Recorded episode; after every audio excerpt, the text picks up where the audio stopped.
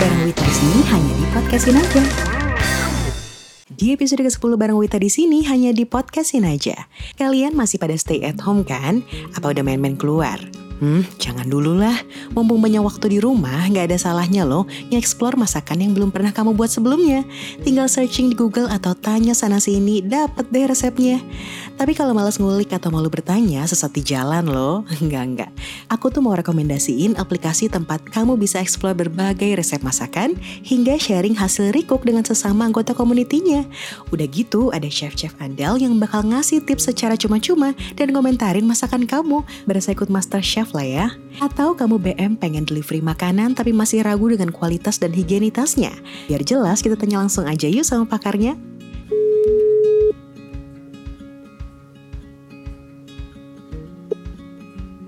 Halo, selamat siang. Halo, selamat siang.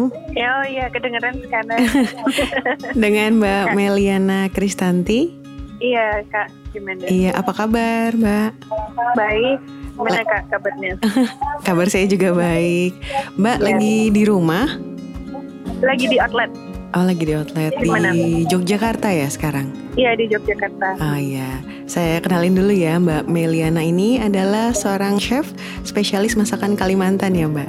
Iya, betul. Iya ya, dan sekarang lagi bertugas di Yogyakarta sebagai eksekutif chef dan operasional untuk salah satu cateringnya. Boleh saya sebut nama cateringnya Mbak? Eh, MT, MT Catering. MT Catering Iya. dan juga di MT. Cook- MT dan juga di Cookpad Indonesia ya. Iya, Sebagai apa Mbak? Regional Community Manager untuk area Jateng dan DIY. Cookpad itu berisi resep-resep masakan ya Mbak ya? Iya, ini adalah komunitas eh, cooking dan baking. Mm-mm. Kemudian platformnya platform resep yang dari autor-autor sendiri yang posting, Iya. kemudian saling berbagi dengan yang lain gitu. Oh, berarti usernya kebanyakan ya mungkin ibu-ibu kali ya, ibu rumah tangga. Eh, iya, betulan ibu-ibu. Ah, terus terkait dengan eh, corona ini sendiri, Mbak, Cookpad ada Iya. melakukan sesuatu terobosan semacam misalnya eh, ngebantu ibu-ibu yang di rumah dan harus lebih sering kali ya menyiapkan masakan untuk keluarga gitu. Iya, eh, jadi kebetulan kita menyikapi kondisi yang ada sekarang Mm-mm. dari Cookpad Indonesia. Jadi eh, kita ada eh, semacam bantuan untuk eh, orang-orang yang biasanya nggak memasak di Iya, rumah, terus iya, sekarang kan lebih sering stay at home. Jadi Ha-ha. kita bikin 30 hari gratis akses Cookpad Premium. Jadi ada dua macam eh, untuk user yang download itu biasanya melihat resep yang random akan diposting. Iya. Kalau Cook- Cookpad Premium itu hanya akan melihat resep yang sudah teruji oleh komunitas kami, Oh. gitu. Jadi resep yang proven. Cuman overall eh, resep yang ditawarkan itu aplikasinya mudah atau yang agak advance gitu, Mbak? Oh, itu sangat mudah diakses dan di-download. Mm-mm. Kemudian eh, untuk menulis resep juga cukup mudah. Hmm. Tinggal upload foto, misalnya foto langkah memasak, Mm-mm. foto makanan jadinya, gitu. Kemudian Iya. itu sangat interaktif seperti sosmed yang lain. Oke. Cuma ini memang untuk komunitas cooking and baking. Mm-mm. Jadi interaktifnya bisa saling komen, oh. bisa recook, recook dan posting foto recook dari resep pengarang asli itu di kolom komen yang di resep aslinya. Oh gitu, disertakan kita- fotonya ya. Iya, seperti misalnya sosmed lain, Mm-mm. Facebook Mm-mm. gitu. Itu kan bisa saling komen, bisa posting foto di komen. Kalau untuk Iya. masakannya sendiri Mbak, itu kebanyakan masakan Indonesia semua kali ya? Atau enggak juga? Eh, enggak sih. Mm-mm. Jadi se- dari semua negara tuh masakannya ada. Mm-mm. Eh, terus uh, Cookpad kan bukan hanya di Indonesia tapi di banyak negara di Iya. dunia gitu. Hmm. Jadi Terus Western food dan apa pun ada Chinese, Japanese ada. pokoknya kalau buka cookpad langsung hatam lah ya, langsung bisa Iya. menguasai berbagai jenis resep. Cuman yang saya penasaran, resep-resepnya itu mudah apa yang sulit-sulit tuh Mbak? Eh, jadi tergantung tingkat kesulitannya macam-macam, Mm-mm. tergantung dari pengarangnya. Kan kita biasanya Oh, dari user iya, oleh iya, user untuk user gitu. Oke, emang bener-bener based Iya. on community banget ya. Iya, dan itu kalau yang proven itu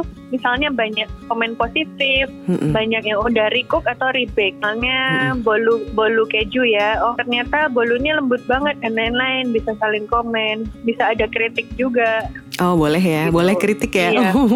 Boleh. Seru Iya. juga ya. Terus kalau boleh tahu antusiasmenya gimana Mbak? Karena kita udah publish tentang oh kita dalam rangka membantu yang kebingungan di rumah, Mm-mm. biasanya nggak masak harus masak. Iya Terus betul. kita ada akses 30 hari free untuk premium Hmm, eh, kayak subscribe gitu ya. hmm, hmm, hmm, hmm. Itu untuk membantu eh, sesama orang yang memang bermaksud memasak dan cari resep di Cookpad. Iya Kalau yang udah lama, udah lama download Cookpad, tapi Mm-mm. belum pernah belum pernah berlangganan premium itu bisa juga dapat. bisa dicoba lah ya. Iya bisa dicoba. Siapa tahu terbuka kan Mbak pikirannya, wah ternyata lebih seru yang premium gitu kan. Iya, kebetulan kan memang biayanya kalau berbayar kan nggak terlalu besar per bulannya. Berapa tuh Mbak? Jadi ya biasanya sekitar 10 sampai 15 ribu per Oh bulan. iya masih ramah di kantong lah ya kan. Iya, ada juga paket tiga bulan, paket apa tergantung promo saat itu. Cuman saya yang penasaran, pengen tahu sih dalemannya itu usernya benar-benar ibu-ibu semua atau ada juga sih yang ternyata tuh anak muda suka masak apa segala macem. Uh, sebenarnya harus usernya beragam ya. Mm-mm. Uh, kemudian kan uh, seperti kita tahu kebanyakan yang suka masak itu memang ibu-ibu untuk keluarga. Tapi kan ada juga mahasiswi, terus uh, Iya, bapak-bapak atau Iya. kebanyakan justru kebanyakan chef kan laki-laki ya kalau di dunia Iya uh, kuliner kita di Uh-uh. industri kuliner gitu. Jadi nggak semuanya melulu ibu-ibu sih. Walaupun mayoritas memang memasak untuk keluarga gitu. Tapi yang membuat Cookpad Indonesia ini berbeda mungkin dari aplikasi-aplikasi resep lainnya. Itu karena uh, Cookpad itu sebenarnya bukan hanya uh, startup company atau platform resep, tapi lebih ke komunitas. Jadi Iya. kenapa ada regional community manager itu Mm-mm. untuk mengelola komunitas ini supaya bertambah besar, Hmm, untuk meng- mengakomodasi kebutuhan mereka apa, permintaan mereka apa. Tuh. Dan Iya. kita bisa offline event. Offline event tuh Oh, kopdar. Jadi ada potluck. Potluck itu membawa masakan masing-masing dari rumah, oh wow, kemudian dibawa ke suatu acara, iya. saling mencicipin, kemudian kita voting yang terfavorit siapa. Habis itu user retentionnya kita ada aktivitas riku. Jadi setelah favoritnya terpilih Iya. dalam jangka waktu berapa minggu kita akan meriku eh, resep pemenang favorit gitu. Oh, terus kalau misalnya eh, masakannya enak, wah saya bisa Iya. ngikutin. Ya, Iya, jadi iya. itu semuanya memang seperti tadi dari user oleh user untuk user. Iya sih, jadi lebih hidup lah gitu ya Mbak. Iya, lebih interaktif. Jadi Mm-mm. komunitas kita kebetulan cukup banyak di Indonesia dan bertambah banyak karena memasak sendiri di rumah itu eh, sebenarnya bentuk perhatian kita ke keluarga. Walaupun sesekali jajan dari luar atau lain-lain. Apalagi di saat seperti ini ya, kebanyakan ada yang isolasi mandiri. Iya betul. Kalau Mbak Meliana Kristanti sendiri di Cookpad sharing juga tuh masakan kuliner Kalimantannya. Kebetulan di akun saya yang baru dibuat itu ada beberapa masakan Kalimantan juga. Jadi Oh, Kenapa kok eh, seorang chef mau berbagi resep? Karena kita juga dulunya belajar juga dari para ibu-ibu di seluruh Kalimantan. iya, resep nenek lah ibaratnya ya. Iya, dan Wah, ya. memang kalau seperti ini sebenarnya walaupun resepnya sama, gramasinya sama, kalau beda dikit cara masaknya dan lain-lain tuh tetap rasanya beda. Tetap betul Jadi, sih. Filosofinya berbagi aja. Mm-mm. eh, resep dari Kalimantan yang kelihatannya menarik saya bagi di situ itu bisa juga membuat lebih hidup komunitas ya Iya sih. karena oh kalau Mm-mm. mereka tahu oh community manajernya nih chef loh gitu terus Iya, mau mau berbagi resep jadi mereka tambah semangat juga ikut berbagi benar. Pokoknya Iya, ilmu cuma-cuma lah di situ ya Mbak ya dibagikan.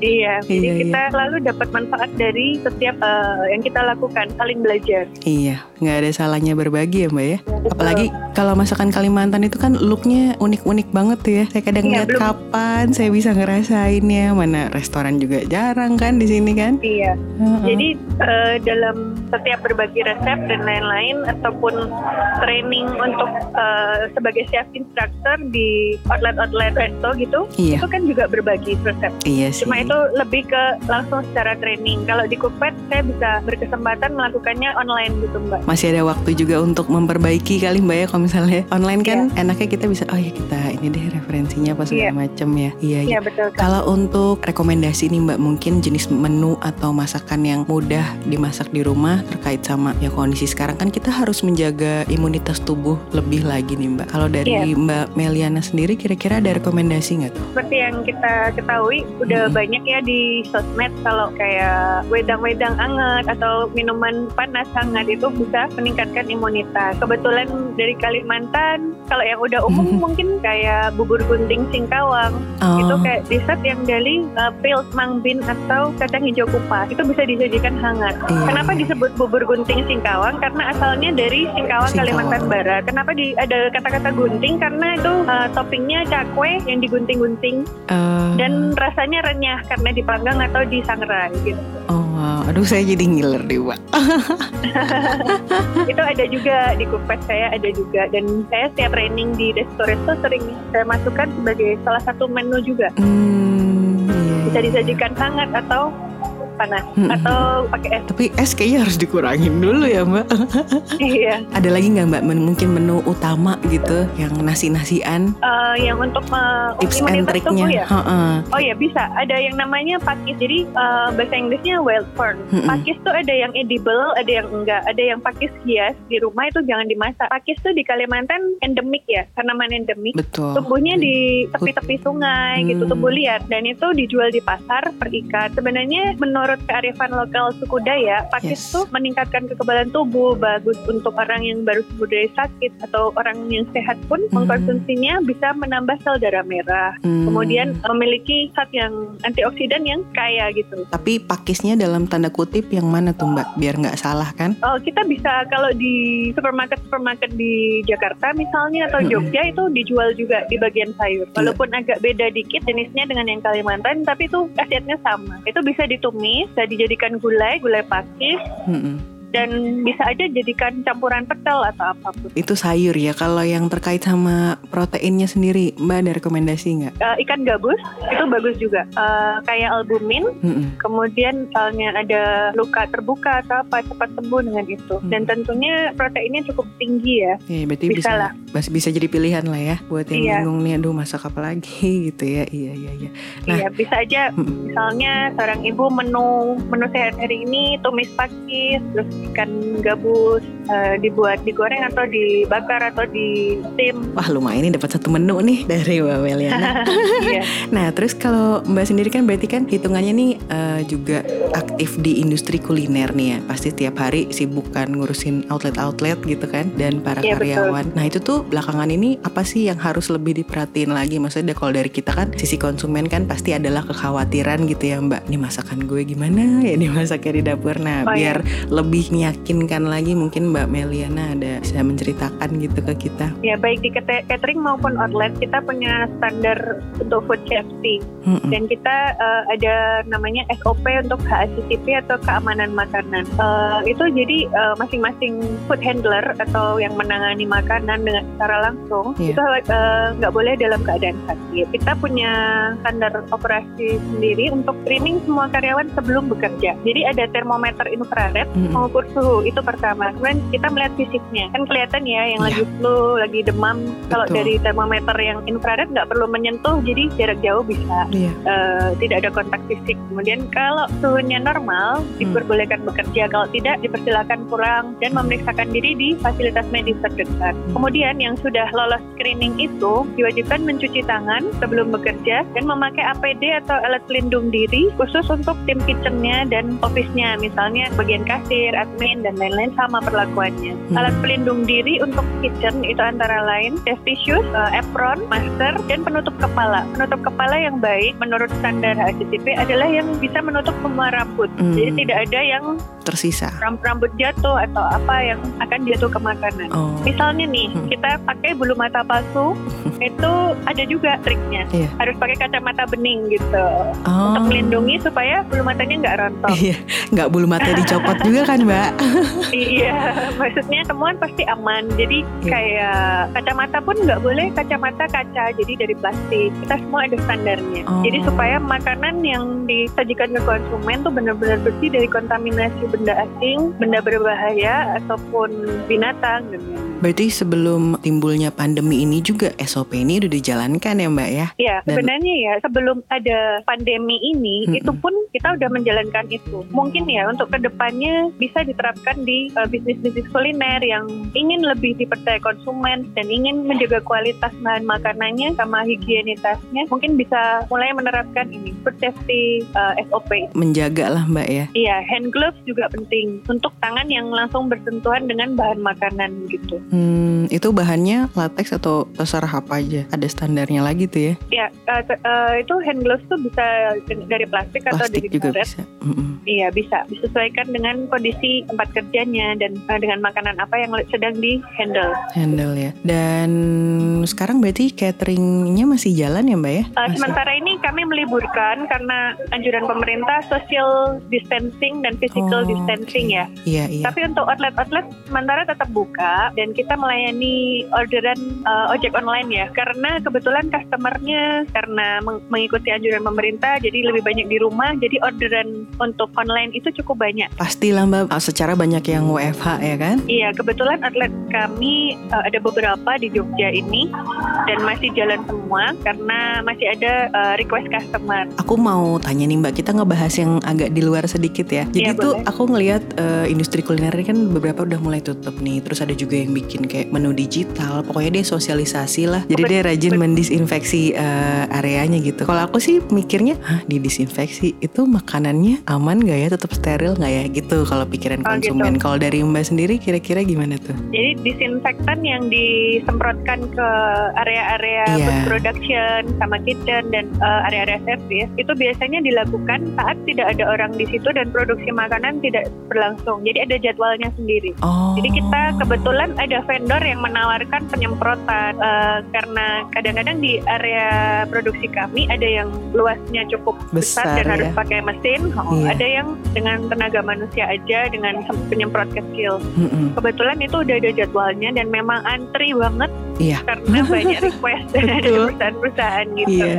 Tapi kami sementara ini eh, misalnya Iya. waktu satu hari libur di outlet bisa dilakukan penyemprotan itu. Hmm, tapi pokoknya Oh. yang konsumen takuti itu bahwa makanannya ya, ini kan segala macam enggak lah ya mbak ya benar-benar dijamin ya semua benar-benar terjamin. Jadi selain screening food handlernya sendiri, juga tempatnya pun kita udah sterilkan dengan disinfektan dan itu terjadwal gitu mbak. pokoknya percaya aja lah gitu ya berarti sekarang kan yang lagi gencar nih lebih ke jalur online-nya ya Iya. dari betul. catering sendiri ada nerapin kayak promosi atau strategi khusus nggak sih mbak Iya, untuk promosi sendiri kebetulan hampir semua outlet di Jogja ini ada kayak promo, Iya. diskon berapa persen untuk menarik perhatian customer. betul Sebenarnya eh, di tengah eh, krisis seperti ini kita harus survive karena kita juga banyak karyawan yang butuh pendapatan, masukan. Iya. Nggak semuanya bisa eh, work from home ya. Jadi dari perusahaan sendiri juga wajib menyediakan kayak masker, kemudian ada eh, tambahan nutrisi. Misalnya kita sediakan dana untuk bikin wedang tiap hari Hmm, hmm, hmm, hmm. atau hari tertentu.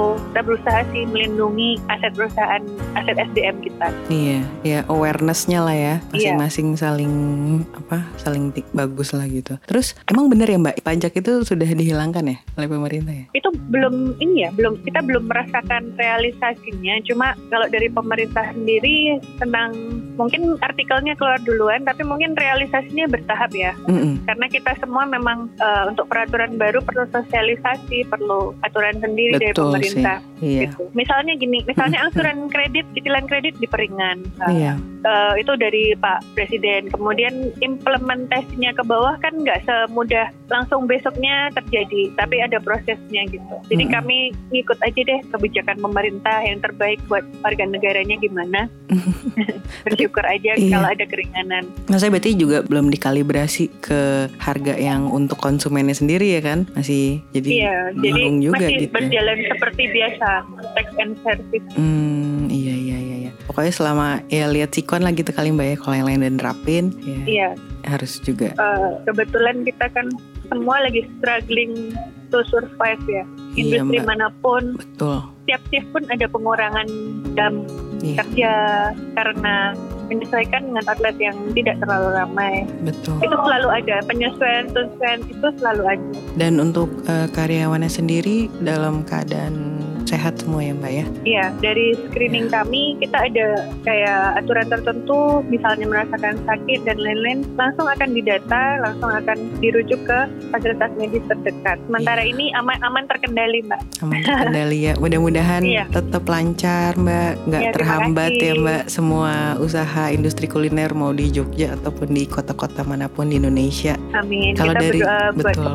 Kalau dari Mbak Meliana sendiri ada pesan-pesan Mbak buat teman-teman di luar sana mungkin yang khawatir atau apa gitu dengan Social distancing itu perlu, jadi baik itu kita harus memasak makanan sendiri di rumah atau order dari pihak eh, lain. Kita walau bagaimanapun tetap menghindari kontak fisik secara langsung, menghindari kerumunan dan mengikuti semua anjuran pemerintah. Iya, itu sih Mbak yang terpenting ya. Ya udah Mbak Meliana jaga kesehatan semuanya sekeluarga. Semoga Iya. keadaan ini segera membaik ya Mbak. Amin. Kita saling mendoakan. Terima kasih. Iya, terima kasih Mbak Meliana. Iya, yuk. Jadi udah gak ragu lagi dong untuk memutuskan mau masak sendiri atau delivery selama di rumah aja? Sampai jumpa di podcastin aja episode selanjutnya. Wita pamit. Bareng Wita di sini hanya di podcastin aja.